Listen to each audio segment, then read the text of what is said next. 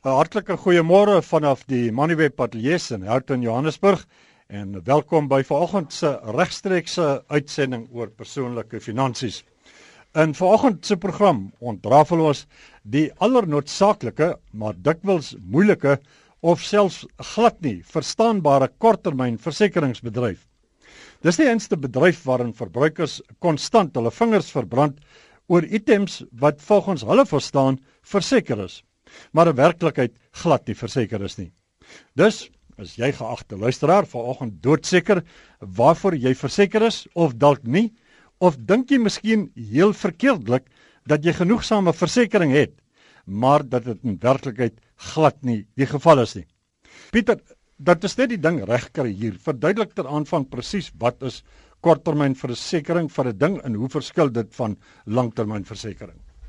Andries, korttermynversekering is eintlik versekering oor dinge wat jy besit. Dis dinge wat in jou huis rond lê, dis dis dis jou kar, dis die die kar, die jou jou jou huis self. Waar lewensversekering is eintlik jou eie gesondheid wat verseker is. Lewens ehm um, vir gevreesde siekte en en en so. Maar korttermynversekering dek die dinge wat jy kan verloor, dinge wat kan breek, wat kan gesteel word en so voort. Hoe hoe belangrik is korttermynversekering? Is dit 'n luukse vir die met genoeg geld om premies te kan bekostig, eh, Pieter, of is dit 'n noodsaaklikheid vir almal wat hulle bates wil beskerm? Ag en as 'n mens kyk na Augustus se reën en en en haalbaie is korttermynversekering belangrik. Jy kan jou kar verloor in 'n in 'n ongeluk. Jy kan byvoorbeeld jou huis kan deur weele getref word en en jy kan dinge verloor. En dit is wat 'n mens moet jouself um, voor beskerm. Maar wat ook belangrik is, is daar's mense wat alles wil verseker. Hulle wil hulle penne verseker. Hulle wil hulle, alles wat hulle besit wil hulle verseker en dan eis hulle vir alles wat beweeg. En daar's um, kom probleme in waar mense te veel eis omdat hulle dink dit is eintlik nie 'n polis om om dinge te verseker, maar om nuwe besitte te kry. Die lyne is oop. Luisteraars skakel ons by 011 7318502. Ons gaan nou-nou praat oor die moeds en die moenies van korttermynversekering as 'n mens daardie versekering wil kry. Ons praat met uh, Patsy van Lichtenburg. Uh, Patsy, goeiemôre. Jy kan my jou vraag vra. Goeiemôre. Ek wil graag weet oor voertuigversekering. As jy aan die begin van ehm um, die termyne versekering uitneem, betaal jy 'n hoë bedrag vir jou voertuig. En soos jy ehm um, na 2 of 3 jaar ehm um, word dit nie aangepas nie en maar jou voertuig se waarde verminder. Ek wil net graag weet wat doen ek in 'n geval na 2 of 3 jaar waar my versekering van my voertuig net eskaleer, maar die waarde ehm um, eskaleer nie. Moet ek dit aanpas? Ek het 'n um, 'n groot uh, vraag omtrent dit. Baie dankie dat jy geskakel het. Uh, Patsy, Pieter, uh, baie relevante vraag. Dit is Patsy, baie dankie vir die vraag. Baie mense um vra dieselfde vraag, maar verstaan nie die feite agter die die um uitbetaling van 'n eis. As jy 'n kar het, is die waarde van die kar as hy nuut is, is hy omtrent kom ons sê 200 000. Na 2 of 3 jaar het 'n geval maak na miskien kom ons sê 120 000. Maar om die kar reg te maak, die die die um versekeraar moet nuwe goedes koop om die kar reg te maak. So die waarde om om om die kar te vervang is anders as om die die kar reg te maak. So die voorbumper byvoorbeeld vir 'n nuwe kar of 'n 3 jaar ouer kar is dieselfde. So mense moet versigtig wees dat hulle dink hulle versekerings moet jaarliks val. Maar die waarde van die kar val. So dit is 'n baie goeie ja uh, idee om jaarliks met jou versekeraar te praat en hoor of die premie wat jy betaal wel die beste is wat hulle vir, vir jou kan gee. Pieter, ek wil sommer hierdie vraag daar byvoeg. Hoeveel water trek die argument? Jy kry dit baie dikwels dat uh die kliënt sou verwag dat die versekerings of die versekeringswaarde van die motor moet nou hierdie jaar argumentshalwe met 10% verminder. Maar dit gebeur dan nie en vat hy dan die versekeringsmaatskappy aan sal die maatskappy vir hom sê ons het eintlik inderdaad jou uh versekeringsbedrag verminder, maar onthou daar is uh, 10% inflasie in hierdie versekeringsbedryf vir die afgelope jaar, so die een kanselleer die ander een uit. So, uiteindelik breek jy as kliënt gelyk. Is dit 'n geldige argument wat water trek of uh, hoe moet 'n kliënt met so 'n situasie werk?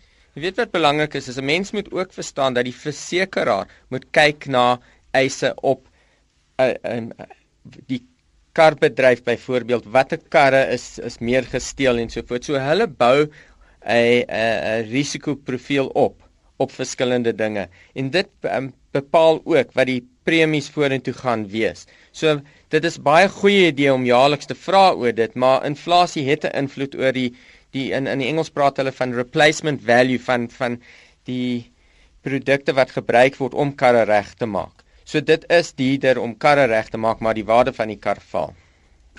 Ons uh, praat met uh Hilton van Jagersfontein. Hilton, goeiemôre. Jy kan my jou vraag vra.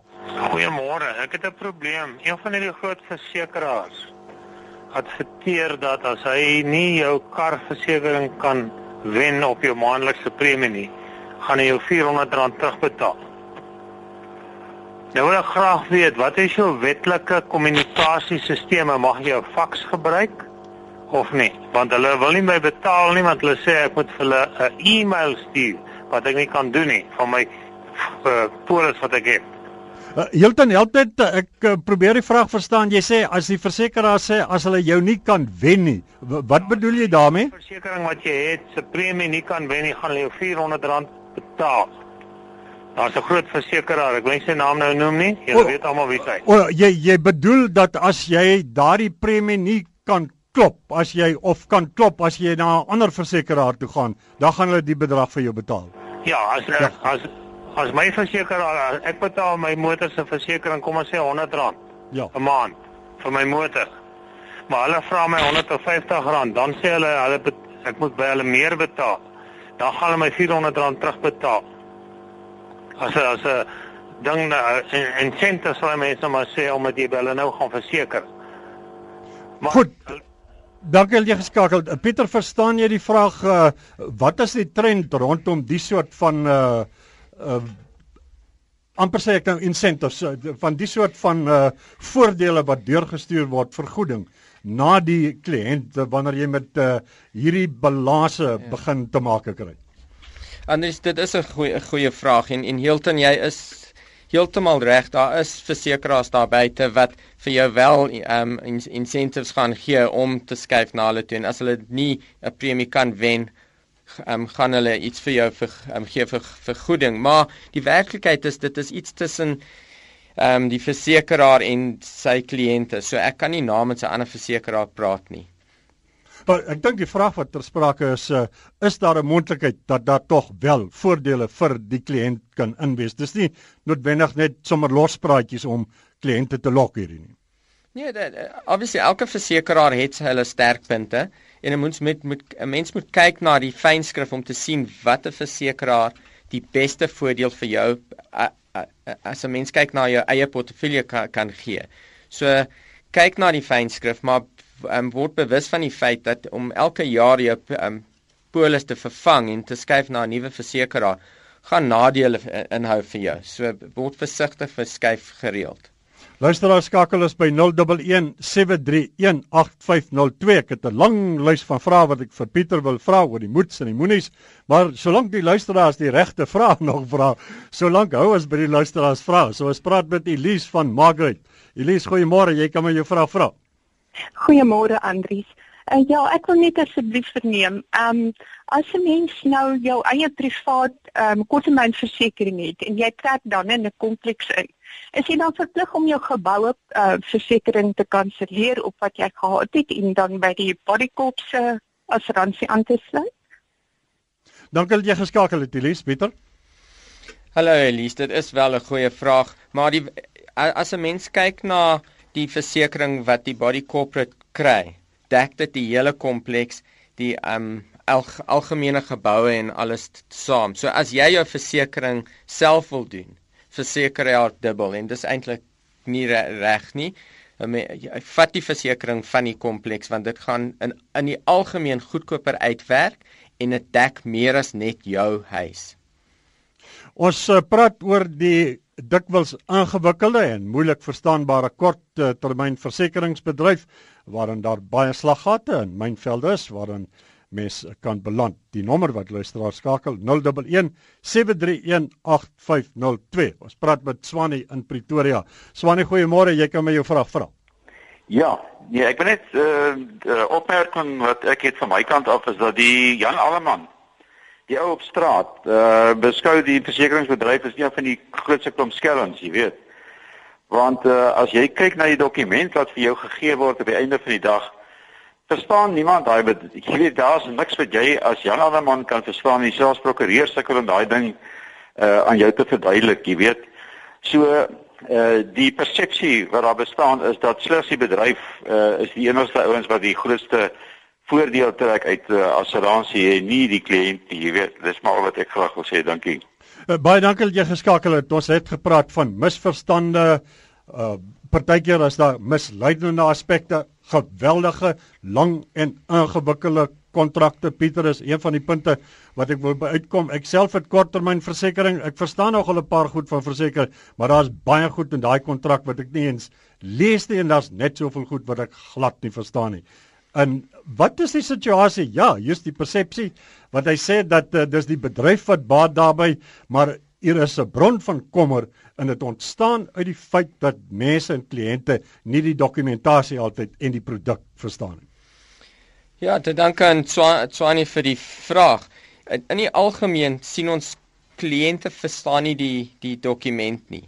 Maar agter daai feit is die feit dat mense dit baie min lees. So mense as as jy jou die antwoord vir jouself moet um, antwoord nou, het jy jou polis dokument deel um deel gelees? Verstaan jy wat daarin verstaan? Ek verstaan daar's groot woorde, daar's Latyns woorde en so wat hulle gebruik, Maar die werklikheid is as jy die die dokument deurwerk sal jy basiese idee kry van wat jy gedek is en wat jy nie van gedek is nie. Die ander ding wat vir my belangrik is, ek is 'n tussenganger en vir al die tussengangers daar buite, dis hulle werk om jou te help om daai misverstand uit te skakel en jou te help om te verstaan wat jy wel gekoop het. En as jy probleme het, gaan na hulle toe. Hulle is daar om jou te help. Dis nou die tussenganger wat jy van praat. Dit is uh, in gewone taal in hierdie wêreld van versekerings sou dit 'n makelaar wees. 100% reg, ja. Goed, uh, daar's die antwoord, uh, maar die boodskap wat tog uitgaan is en 'n mens wonder of die bedryf nie daarna moet begin kyk Pieter om van daai dokumentasie dood eenvoudig net so 'n bietjie te vereenvoudig dat dit makliker verstaanbaar is en eintlik meer toeganklik vir die gewone publiek en die kliënt wat daai produk uiteindelik moet gebruik. Maar soos jy sê, intussen tyd tot tot tyd terwyl dit al gebeur, is die makelaar daar en die kliënt betaal vir 'n makelaar. 'n Makelaar doen dit nie sommer net vir amper sê ek love and charity nie. Jy is heeltemal reg Andrius. Dit dit dis 'n baie baie goeie punt. Mense moet verstaan elke premie wat hulle betaal word gedeel met 'n tussenganger of 'n makelaar. Hy kry sy ehm um, penny elke maand of sy pond en gebruik hom vra die vrae en en dit is dis dis waar dat baie van die dokumente wat ons lees is redelik ingewikkeld en die bedryf moet miskien daarna kyk. Op die lyn uit uh, Kaapstad uh, of liewer uit Rustenburg is Lawrence. Goeiemôre Lawrence, jy kan my jou vraag vra. Môre. Ja, ek dink ek wil gou net 'n opmerking maak as 'n ou kyk na uh versekering soos hierdie ouens wat R400 aanbied. Ag, dit is 'n manier om die mark te kies. Uh om te sê maar kom ons kies hier Rome uh op die einde van die dag en as ons sien jy's 'n ou met 'n baie geskiedenis uh en baie eise uh dan gaan ons eenvoudig net nie van jou gebruik maak nie en dan sit jy met met uh met met die Rome op die einde van die dag. Dis 'n een opmerking. Dan 'n ander opmerking Ek was vir lank by by Sandam of Sandam gewees en daar is ouens wat ou se kar premie aanpas, maar die laaste paar jaar wat ek by Discovery is, is ouens wat nie die premie aanpas nie. En ek kan nie verstaan hoekom een dit sou doen en 'n volgende een dit nie.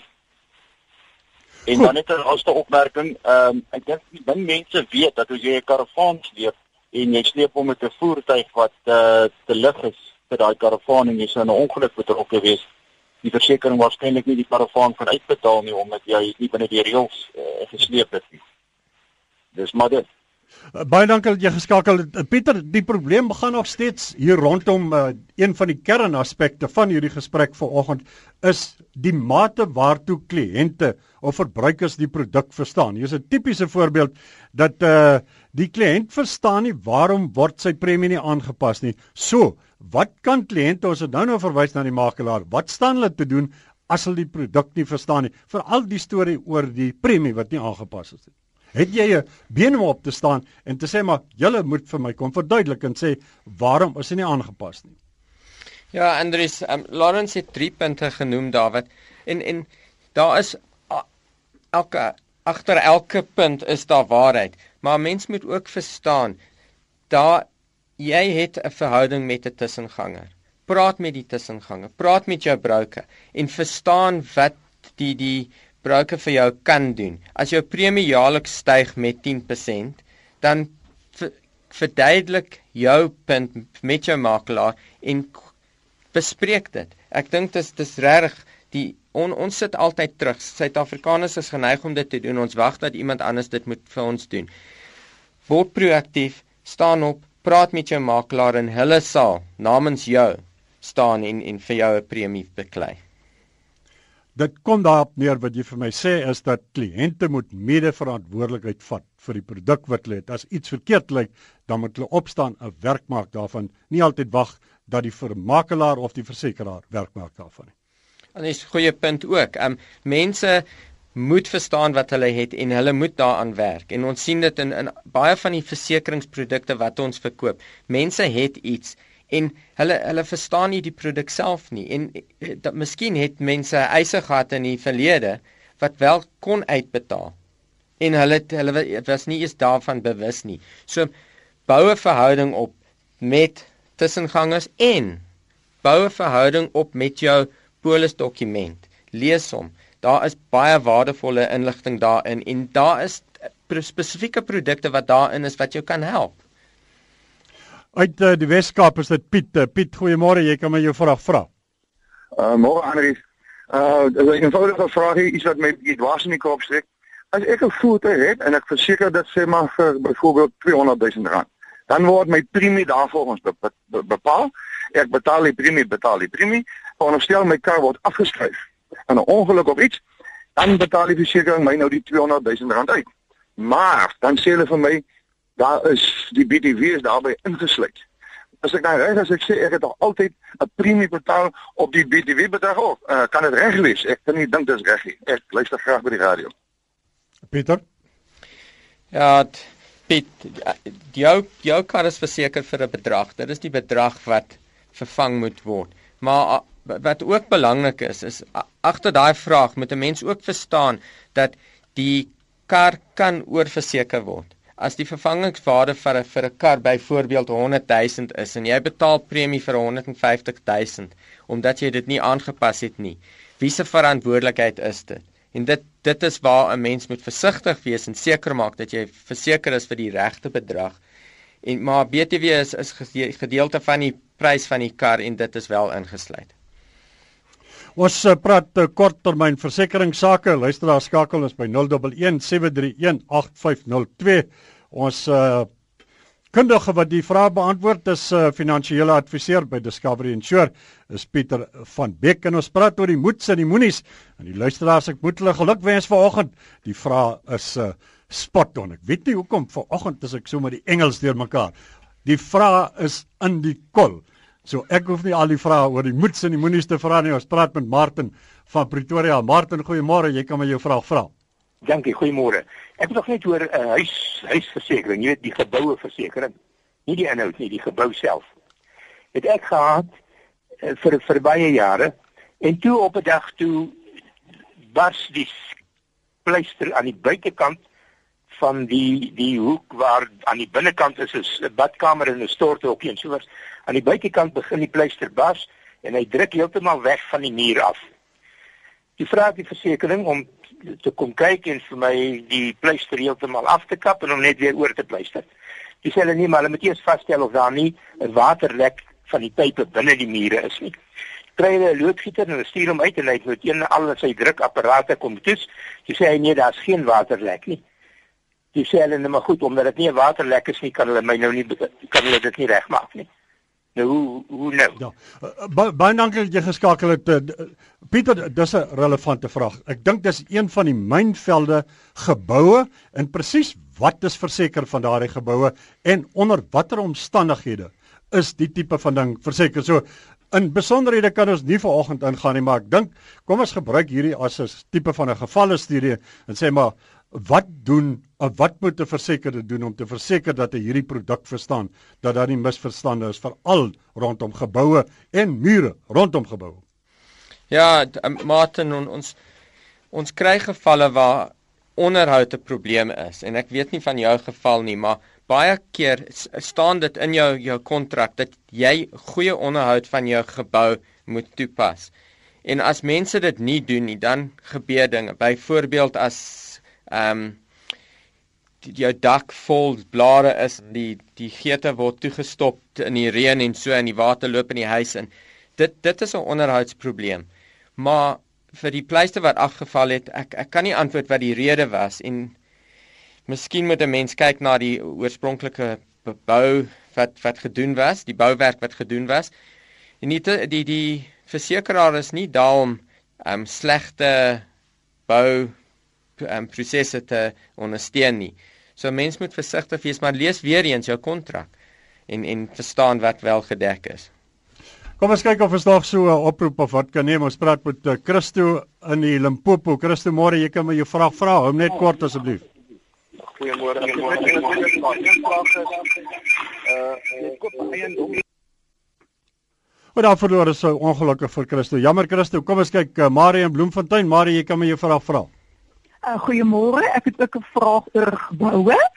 En as as my waterpype wat nou onder die gebou is, bars, dan betaal die versekering uit. Maar as hulle deur roes, dan betaal dit nie uit nie. Nou wil ek net graag weet, daai pype wat onder die my huis loop of binne in my mure, ek kan tog nie elke 5 jaar oopmaak daar om te kyk of roes dit nie. Wat doen ek nou? Ons het nou die geval ja. gehad van my dogter. Ehm um, hier was nie minder as 4 loodgieters nie. Nie een kon die lekkasie kry nie want dit wys nie bo nie, maar die watermeter hardloop met ja. spoed. Maar dankie dat jy geskakel het. Ek dink ons het die vraag. Pieter, die tyd is baie min, maar uh sekerlik uh, dis 'n baie geldige punt, een van die punte wat uh probleme veroorsaak dit is en weer ons kom ons terug na die die onderhoud van jou huis. As jy as jy nie versekerings gehad het nie, sou jy die die waterpype deurgegaan het en seker maak dat hulle elke ehm um, 15 jaar of wat ook al die tydperk ehm um, is, sou jy dit reggemaak het. En die versekeraar is nie daar om ou pype te vervang nie. Hulle is daar om dinge reg te maak wat breek. Maar Jy's reg, as dit onder jou huis is en jy moet grou, is die oorspronklike bou ehm um, die inspekteurs eh, of die die manier van bou moet op van so 'n aard wees dat enige pype onder die grond moet wel gedek word eh, met um, beton en so. So dit is 'n uh, weer eens gesprek tussen jou jouself en jou ehm um, versekeraar. Van die versekeraars daar sal dit miskien regmaak, maar nie almal nie dan net so in 10 sekondes is dit dan raadsaam om te verseker dat daai pype ook uh, gedek is wat nou onder die vloer is? Maak dan maar doodseker as jy jou versekerings het om te kyk dat alles gedek is wat gedek moet wees. Ja Andries dis dis baie moeilik. Ons weet nie wat kan gebeur nie. Die die lewe is vol hmm. verrassings maar daar is produkte versekeringsprodukte daar buite wat meer um, toepaslik is in sekere omstandighede. Maak seker jou versekering dek jouself. Die e die eerste en enigste tyd wat jy weet of jou dekking goed genoeg is, is as jy eis. So doen jou huiswerk. Pieter baie dankie vir die saampraat vanoggend. Dit was uh, Pieter van Beek, finansiële adviseur by Discovery Insure. Kontak uh, besonderhede Pieter. Dis 011 326 3992. Daar sê, dis uh, as jy nog vra het uh, skakel hom gerus. Pieter van Beek 011 326 3992. Hy's 'n finansiële adviseur by Discovery. Dankie vir die saampraat Pieter. Baie dankie Andrius en al die luisteraars hoor.